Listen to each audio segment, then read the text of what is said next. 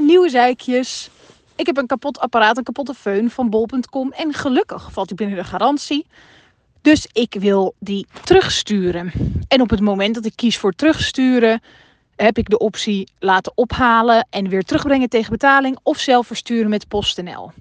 Waarbij staat, als je hem bij een bol.com servicepunt brengt, hoef je je verzendlabel niet te printen.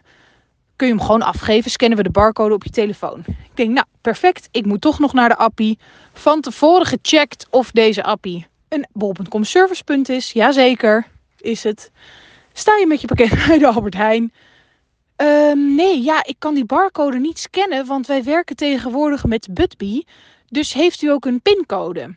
Ik nee, uh, heb ik niet gekregen. Ik heb alleen maar dit. Nee, dan, uh, het gaat automatisch, dus ik kan niks meer scannen. Dus dan moet u even de Budbee app downloaden en dan krijgt u een pincode en dan kunt u hem afgeven. Dus ik download de Budbee app. Ik krijg helemaal geen pincode. Dus ik kijk nog een keer terug in die bol.com app in het proces van hoe kan je dit nou terugsturen. Heel Budbee is bij bol.com helemaal niet een optie bij reparaties. De enige optie is stuur het terug via een PostNL of bol.com. Dus ik loop weer terug naar die mevrouw. Zegt ze, ja nee, dat proces loopt nog niet bij alle terugstuurproducten uh, even goed. Ik zeg, oké, dus nu ja, nee, ja, nee, dan kunnen wij het helaas niet voor u aannemen. Wie heeft ooit verzonnen dat het handig is om bij parkeergarages met hele rare aantallen minuten te werken als het gaat om de tarieven? Soms zie je staan per 24 minuten zoveel euro, per 11 minuten zoveel euro. Voor wie is dit handig? Wie heeft hier wat aan? Alsof ik mijn dag indeel per 11 minuten. Alsof het voor mij ook maar op enige manier nuttig is. Ik wil gewoon weten wat kost het per half uur per uur, kan ik makkelijk mee rekenen. Waarom doen parkeergarages dit? Wat heb je te verbergen? Zet het gewoon even per uur neer. Veel makkelijker voor iedereen. Waarom is brood tegenwoordig altijd met allerlei soorten pitjes, granen, sesamzaadjes, allerlei soorten spul? Wat is er mis met gewoon brood zonder troep erop? Ik snap dat dus niet. Als je bij mensen gaat eten, altijd troep op brood. Ik hou er niet van. Ik, ik vind sesamzaad mee. Maar het is tegenwoordig vrij lastig om gewoon normaal brood. Doe, laten we gewoon normaal brood doen. Gewoon volkoren, prima. Wit ook prima. Gewoon brood zonder troep. Strapless BH's. Nee, dit is niet het geluid van een vibrator. Dit is het geluid van een kolfapparaat. Want als je zwanger bent en ook de periode erna, dan vragen mensen allemaal aan je: ga je ook borstvoeding geven? En waar gaat dan dus om te zeggen dat je het niet gaat doen? Want borstvoeding is toch de beste voeding die je kind uh, aan het begin van, je, van zijn leven kan, kan geven. En um, dat is ook zo, hè? begrijp me niet verkeerd. En ja, ook uh, dat hele momentje met je baby en zo, dat is ook zeker allemaal waar. Um, maar wat mensen er niet bij vertellen is hoe intens borstvoeding geven eigenlijk is. Negen maanden lang heeft alles in teken gestaan van je lijf. Je bent een nieuw mens aan het maken. Dus je bent heel erg bezig met je voeding en alles wat je doet. En goed, bewegen en zo. En dan ben je bevallen. En heb je eindelijk dat kindje. En dan heb je je lijf eigenlijk nog steeds niet terug. Een avondje uit. Dan moet je echt nadenken over um, hoeveel drankjes je kan drinken. Hoe lang het in je bloed blijft zitten. Wel of geen kolfapparaat mee. En als je hem niet meeneemt, hoe fucking veel stewing je dan wel niet hebt. En hebben we het eigenlijk nog niet eens over de tepelkloven en uh, de niplesjes, zoals ze het noemen, aan het begin van de hele borstvoedingsperiode. Oftewel, het is allemaal heel mooi, maar laten we naast dat hele halleluja verhaal ook met z'n allen het eerlijke verhaal vertellen. Borstvoeding geven kan heel mooi zijn, maar het is ook gewoon echt heel erg intens als hondenbezitter ben je natuurlijk verplicht om uh, de poep van je hond uh, op te ruimen als je gaat uitlaten. Dat is natuurlijk ook gewoon uh, normaal, dat, dat, dat hoort. Nu is het zo dat bij ons in de nieuwbouwwijk er heel weinig prullenbakken staan, maar echt heel weinig. En dat helpt natuurlijk niet voor het opruimen. Mensen zijn minder snel geneigd om het op te ruimen als ze het kilometers mee moeten nemen. Maar nu is het zo dat een van de weinige plekken waar wel een prullenbak staat, is naast het veldje waar je geen opruimplicht hebt. Naast het hondenveldje. Dat is een van de weinige plekken waar wel een prullenbak staat.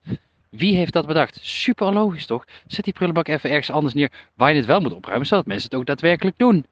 Ah. Weet je wat irritant is? Voedselallergie. Ook al weet je op een gegeven moment zelf heel goed in welke producten vaak iets voorkomt wat je niet kunt eten. Het gebeurt nog steeds dat je eten aan het klaarmaken bent, iets in de pan gooit en denkt: shit, ik ruik gewoon dat dit erin zit. Ik ben allergisch voor paprika en ik weet dat dat in heel veel uh, sausjes uit een pot bijvoorbeeld zit. Maar nu had ik uh, geblikte tomaten nodig. En ik gooi het in de pan en ik ruik gewoon, hier zit paprika in. Oftewel, daar ga je met je kookkunsten. Ik kan het gerecht niet eten.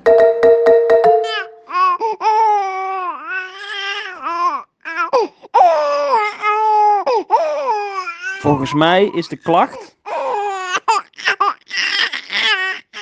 dat het te lang duurt voordat hij eten krijgt.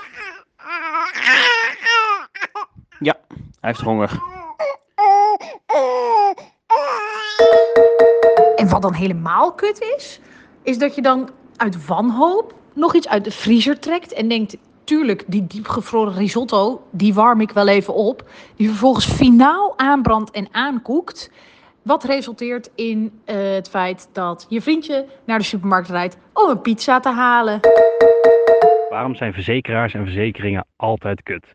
In de 30 jaar dat ik nou leef, heb ik nog niet één keer contact moeten hebben, aanspraak moeten doen op mijn verzekering en het gevoel gehad dat ik goed geholpen werd, dat het helemaal naar wens was. Zorgverzekering, ik heb altijd het idee dat ik of meer moet bijbetalen, of dat het dan niet weer gedekt is, of dat je in een jaar alleen je eigen risico opmaakt. Alleen maar betalen, betalen. Nu, fiets gestolen, wel verzekerd. Ik naar de fietsenwinkel. Wat blijkt, deze fiets is niet meer te krijgen. Dus je hebt de keuze of een goedkopere of een duurder. Als je een duurder neemt, ja, dan moet je inderdaad bijbetalen, want ja, voor dat bedrag was je niet verzekerd. Als je een goedkopere neemt, ja, dan krijg je dat bedrag niet meer terug. Het wordt alleen maar vergoed wat die nieuwe fiets dan kost. Oftewel, je bent een gedeelte van je geld kwijt. Ik snap heel goed dat een verzekering betekent dat we met z'n allen betalen, zodat als andere mensen een keer iets hebben, dat die geholpen kunnen worden. Helemaal prima, collectiviteit sta ik helemaal achter. Maar dan zou ik het ook fijn vinden als mij wat overkomt, dat ik dan ook een keer goed geholpen word. En om dan maar in verzekeringstermen te blijven, heb ik nog een aanvullend punt.